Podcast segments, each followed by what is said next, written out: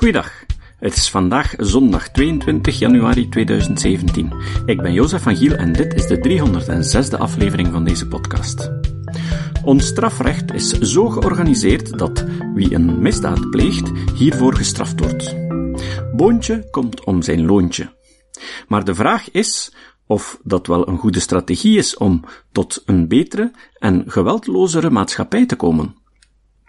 Misschien is het beter om een systeem te bouwen waarbij misdaden worden gezien als een misfunctioneren van een mens en moeten we het strafrecht zo aanpassen dat het zoekt naar een manier om deze mensen te genezen en naar acties die de maatschappij beschermen in plaats van wraak te nemen. Op de nacht van de Vrijdenker van 26 november vorig jaar werd er gediscuteerd over de gevolgen van neurowetenschappelijke bevindingen op onze noties van schuld, vrije wil, verantwoordelijkheid en de vraag of ons rechtssysteem zonder schuld en verwijt mogelijk is. Moderator Anne Ravelingen daagde Farah Fokkaert, Jan Verplaatse, Chris Wellekens, Mirjam van Rijen en Manu Kersen uit tot een diepgaand gesprek over dit boeiende onderwerp. Hersenwetenschap heeft het al dan niet bestaan van de vrije wil opnieuw op de agenda geplaatst. Omdat dit thema zulke verrijkende gevolgen heeft op persoonlijk en maatschappelijk vlak, geraken wetenschappers en filosofen het maar niet eens. Want vrije wil raakt aan verantwoordelijkheid, schuld en verdienste. Concepten waar zonder ons rechtssysteem ogenschijnlijk niet kan functioneren. Is zoiets als schuldloos recht mogelijk? Welke aanpassingen vergt zulk recht aan ons bestaand systeem? Naar een schuldeloos strafrecht? Deel 1. Opnieuw hartelijk welkom iedereen. Um, u ziet, we hebben hier een fantastische projectie. Ik had er eerlijk gezegd naar uitgekeken om de projectie in de ogen te zien weerspiegelen van de deelnemers aan het debat, maar helaas, uh, we hebben een oplossing gevonden. Um, op dit podium staat jullie een heus debat te wachten en dit debat draagt de titel naar een schuldloos strafrecht? Vraagteken. De notie van uh, vrije wil zal hier uh, ongetwijfeld de revue passeren. Dus vond ik het passend om u daarover nog iets mee te geven. Onze niet zo optimistisch gemutste vriend Arthur Schopenhauer hield het op. Der mens kan doen wat er wil, er kan aber niet wollen wat er wil. De mens kan doen wat hij wil, maar hij kan niet willen wat hij wil. Als ik verkweer ben, sla mij niet dood. En filosofen citeren graag, dus laat ik u er nog eentje geven. Een doordenkertje deze keer van one of the four horsemen of new atheism. Dan heb ik het over Christopher Hitchens. Die zei het volgende. Yes, I have free will. I have no choice but to have it. En dan geef ik nu graag het woord aan de moderator Anne Ravelingien, onze moderator van vanavond. En alleen al daarvoor verdient zij uw schuldloos applaus.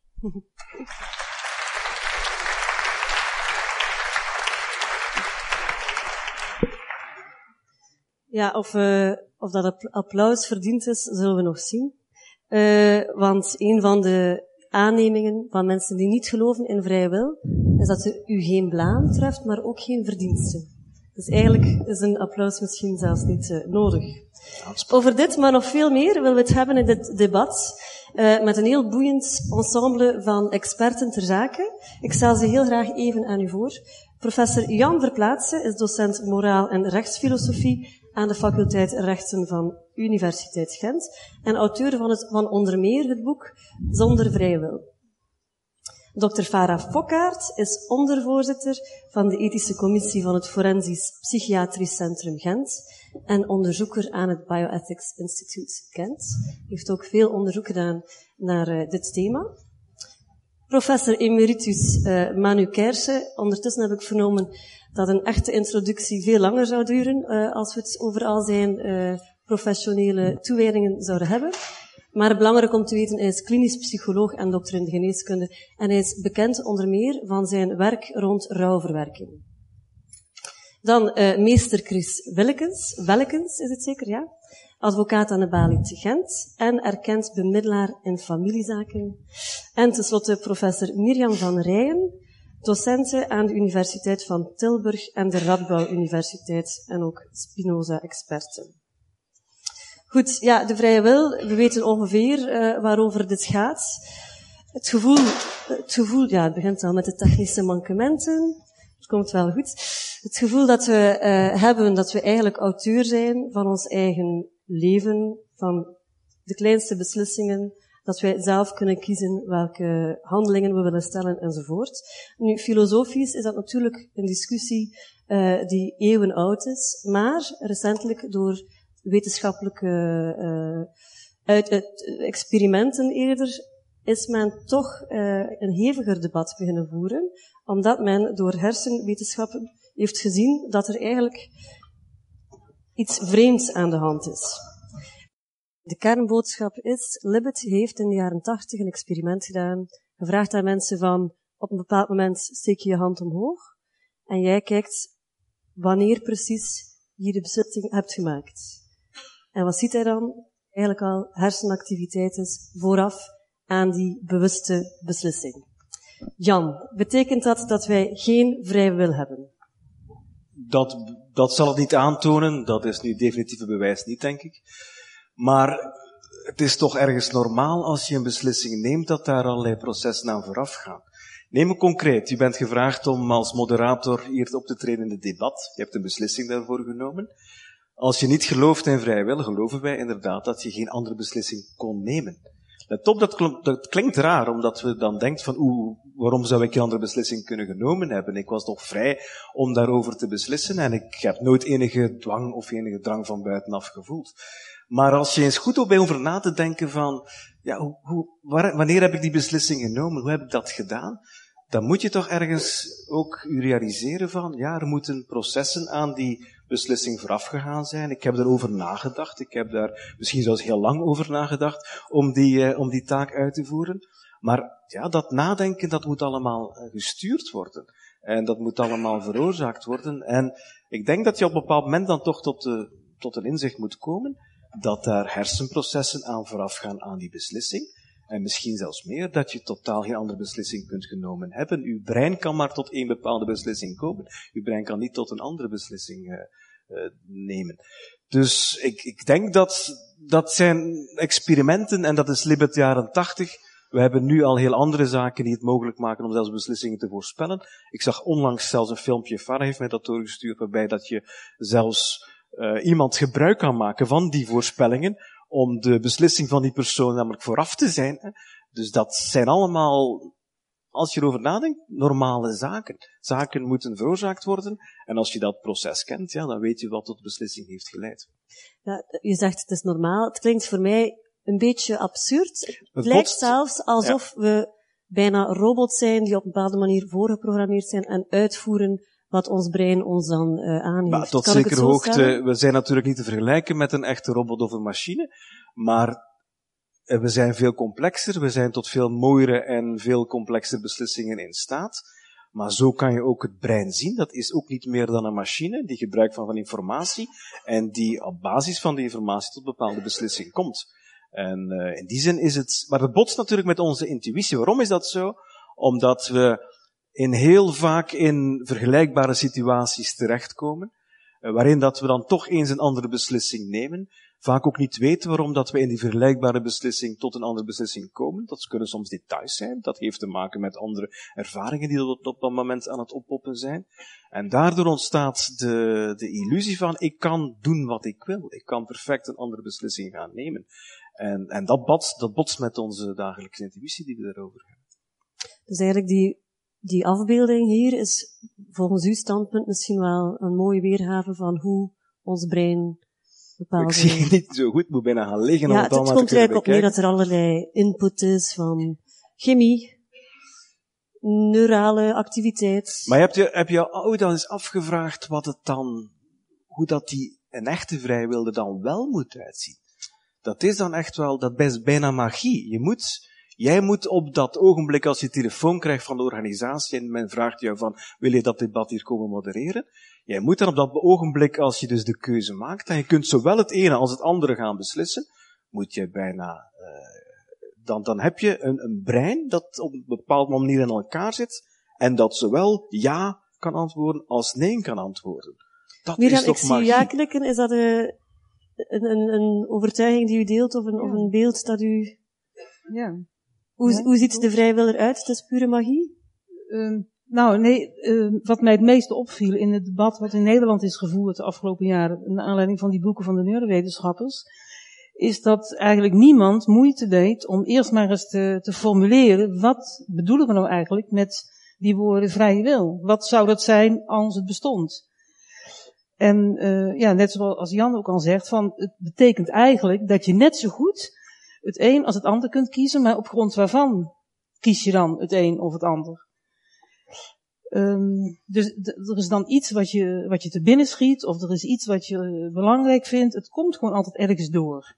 Dat je kiest wat je kiest. En zelfs wat pubers wel eens denken, van nou, ik ga nou net als mijn ouders dit vragen, eh, dat ik dit moet doen, dan ga ik nou net lekker nee zeggen. En dat is dan mijn vrijheid. Maar dan hebben ze niet door dat ze gewoon alleen maar puur reageren. Want als die ouders dat doorhebben, dan zeggen ze natuurlijk ja als ze nee willen en nee als ze ja willen. Dus dan zit je ook vast. Dus Ja. het is altijd een reactie op, Op een iets- andere oorzaak. Ja, het is altijd een oorzaak wat je wilt. Nu, maar, maar nu, ik kijk eventjes naar u, want ik denk dat de meesten onder ons eh, het gevoel hebben, of het, het, het, eh, het gevoel mag ik misschien niet Het zeggen, idee. het idee dat de vrije wil een illusie is. Geldt dat ook voor u? Wel, eh, ik zit hier tussen filosofen en juristen die vooral bezig zijn rationeel en aan het denken. En als je je beperkt tot het denken, dan heb je een kleine fractie van de mens beschouwd en de mens is veel meer dan zijn denken. De mens is gevoel, eh, eh, is voor een groot deel gevoel en vanuit gevoelszaken gaan mensen ook een aantal dingen. En als je hier zit als moderator, heeft dat waarschijnlijk, maar, maar ik voel dat wel belangrijk aan om dit te doen, eh, heeft dat met denken te maken. En, heeft dat met, eh, en vanuit dat oogpunt, dus, eh, en wat heeft wil, ik hoor eh, Mirjam zeggen, niemand heeft het goed kunnen formuleren, wat dat is de vrije wil. Wel, zeg, filosofen, werk dan verder. En werk breder dan rationeel. En ga ook kijken emotioneel om zo'n begrip te gaan formuleren. We gaan er niet vanuit, omdat je nog niet in staat bent om het goed te definiëren, dat het niet bestaat. Jan. Mag ik eens reageren erop? Ehm, het is een, vaak een, een misverstand als je zegt van dingen zijn veroorzaakt, zelfs onze meest complexe opvattingen en beslissingen die we nemen, dat dat dan op één bepaald niveau zich zou bevinden. Het zij heel hoog, rationeel, en dat is dan de, de reden waarom dat we dingen gaan doen. Meestal hoor je het omgekeerd, heel laag. Hè. Iedereen zou wel reeds door zijn genen, of door zijn moment dat hij de, de baarmoeder van zijn moeder heeft gezeten, zou reeds daar zo beïnvloed zijn. Dat zeggen wij niet. Wat wij gewoon zeggen is, is, is puur van, je wordt in beslissing wat je ook neemt, word je daardoor door allerlei processen word je beïnvloed en die beïnvloedingen die zorgen ervoor dat je een bepaalde beslissing gaat nemen. Maar dat kan een zeer sentimentele zijn, dat kan een zeer rationele zijn, dat kan een heel, uh, dat kan op basis van communicatie gebeuren, dat kan ook op basis van genetica gebeuren. We gaan ons niet gaan uitspreken over het niveau waarop dat die uh, oorzakelijk zit, of oorzakelijkheid zit. We spreken ons enkel uit over het feit dat we eenmaal in dat soort van kausaal netwerk zitten. Nu, we hebben natuurlijk, het spijt me dat ik even naar uh, de volgende stap wil gaan, omdat we hebben een uurtje. De vrije is een heel complex gegeven, maar wat er ons eigenlijk als opdracht uh, te doen staat, we moeten de implicaties van die aanname onderzoeken. En ik koppel nog eventjes terug naar u, Jan, want in uw boek, als ik mij niet vergis, maakt u misschien al de vergelijking, we, iemand die onwenselijk gedrag stelt, en we kunnen vaststellen dat hij een hersentumor heeft, of een psychopathische hersenstructuur, daarvan hebben we het gevoel van, we kunnen die persoon niks verwijten. Maar u zegt, eigenlijk kunnen wij niemand iets verwijten, omdat hij sowieso bepaalde Klopt, iedereen is, iedereen is ontoerekeningsvatbaar. Ja. Dat is mijn uh, stelling. En ik weet wel, dat is geen gemakkelijke stelling. Het zorgt er wel voor dat je wordt uitgenodigd om eens in een debat te komen zitten en jouw standpunt te verdedigen. Maar het blijft heel moeilijk. Hè?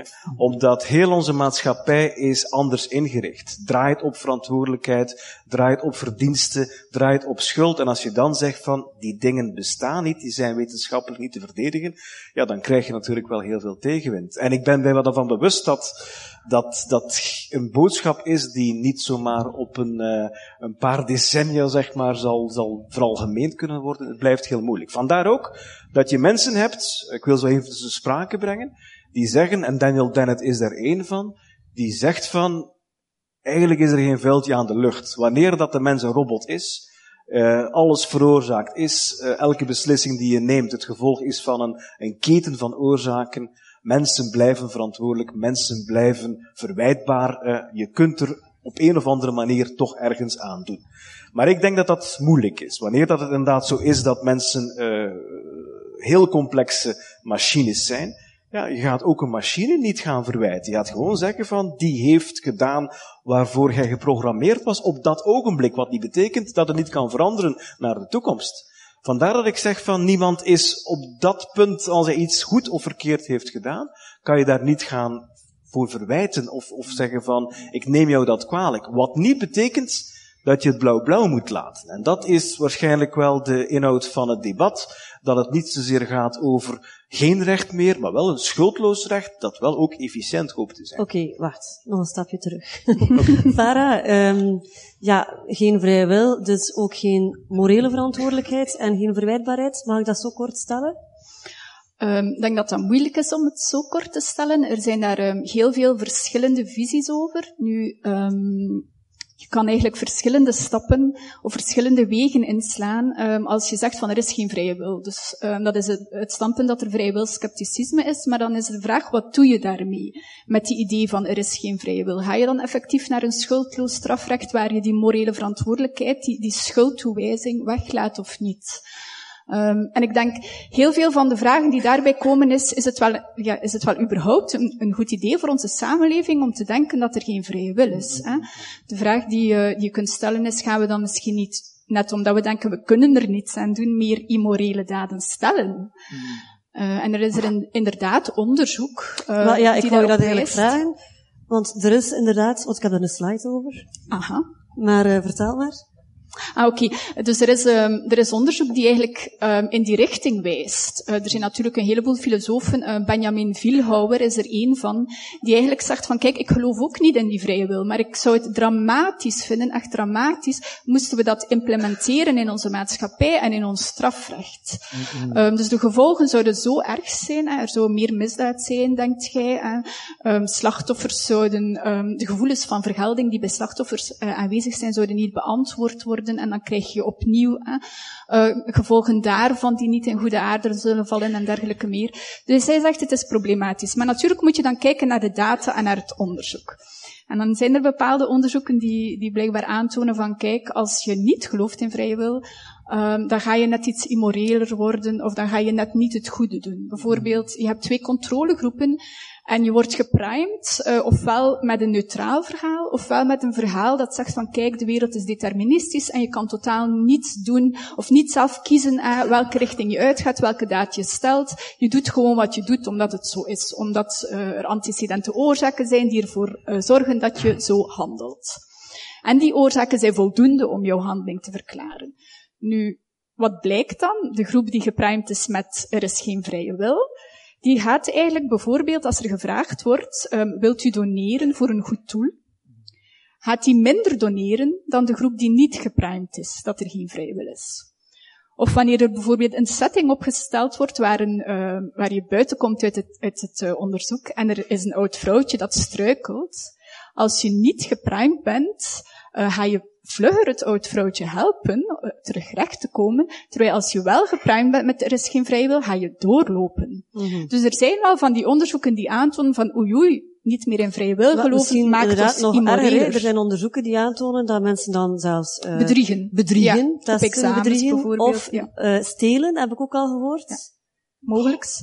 Nu, maar is dat, is dat iets het probleem met die onderzoeken is eigenlijk dat er, dat er verschillende zijn en dat de resultaten, als je ze allemaal samenneemt, en dan doen de meeste mensen dat niet, ze pikken er één onderzoek uit, dat die resultaten eigenlijk dubbelzinnig zijn in de zin van sommige onderzoeken wijzen op meer immoreel gedrag, maar andere doen het niet. Ook is er onvoldoende onderzoek eigenlijk om dat aan te tonen. Plus, maar, maar zelfs mochten ze allemaal in de richting wijzen dat mensen meer immoreel worden, zit je nog altijd met een gigantisch probleem.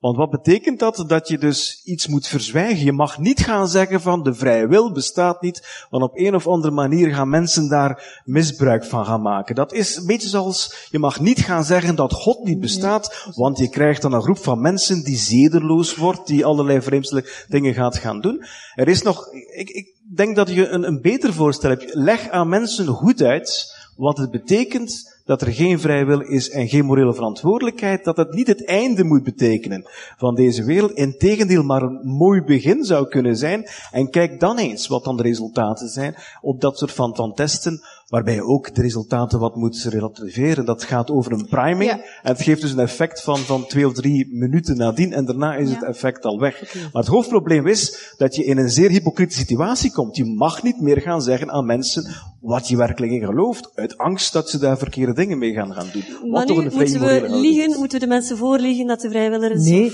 je moet de mensen niet voorliggen, maar ik, ik, ik stel af, en tot mijn verbazing eigenlijk, stel ik vast, dat jullie spreken van, ik geloof dat dat, er is, mensen, als jullie dat kunnen aantonen, dan moet je dat niet geloven, nee, dan weet je het, hè.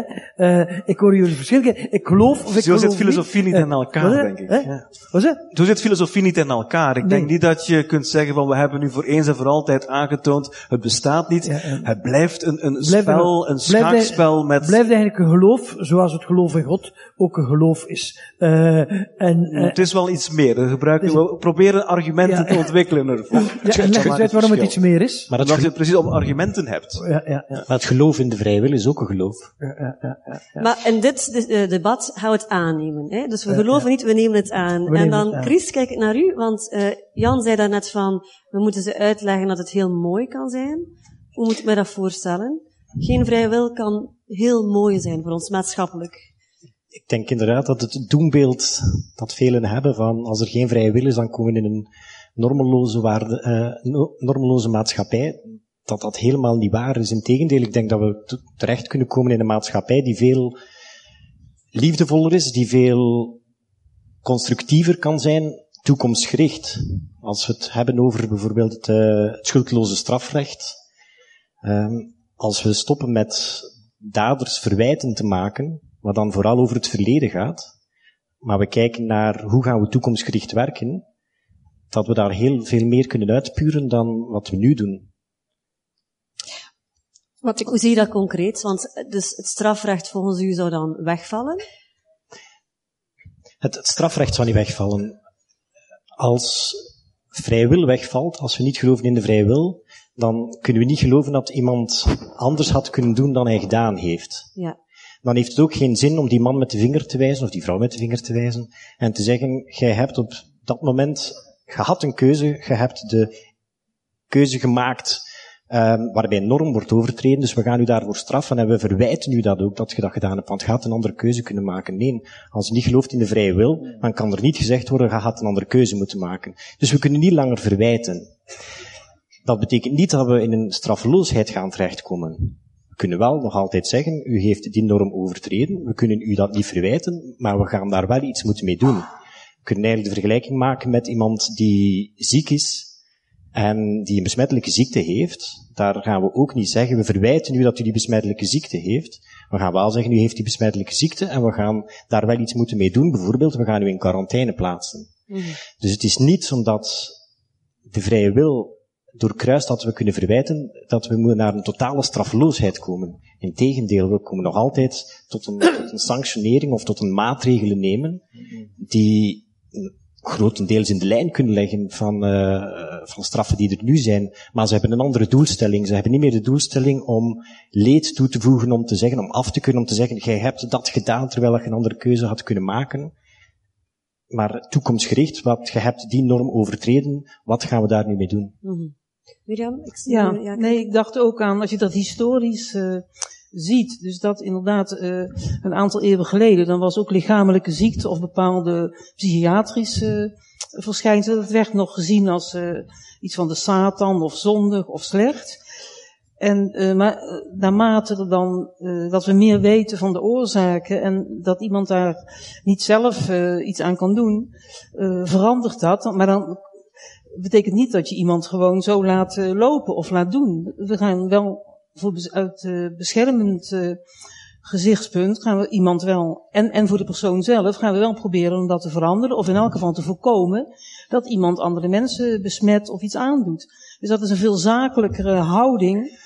En die blijft natuurlijk gewoon, uh, ook als er geen vrije wil is, dat je iemand niet meer daarvan beschuldigt, of dat je dat ziet als slecht, maar dat je de, de handelingen van mensen nog steeds blijft beoordelen op uh, wat betekent het voor anderen en dat je voorkomt dat andere mensen schade wordt berokkend. Dus het wordt een zakelijkere houding. Zakelijkere houding. Ik hoor eigenlijk ook van, uh, we stoppen met het vingertje te wijzen. Ja. We proberen uh, vooruit te kijken.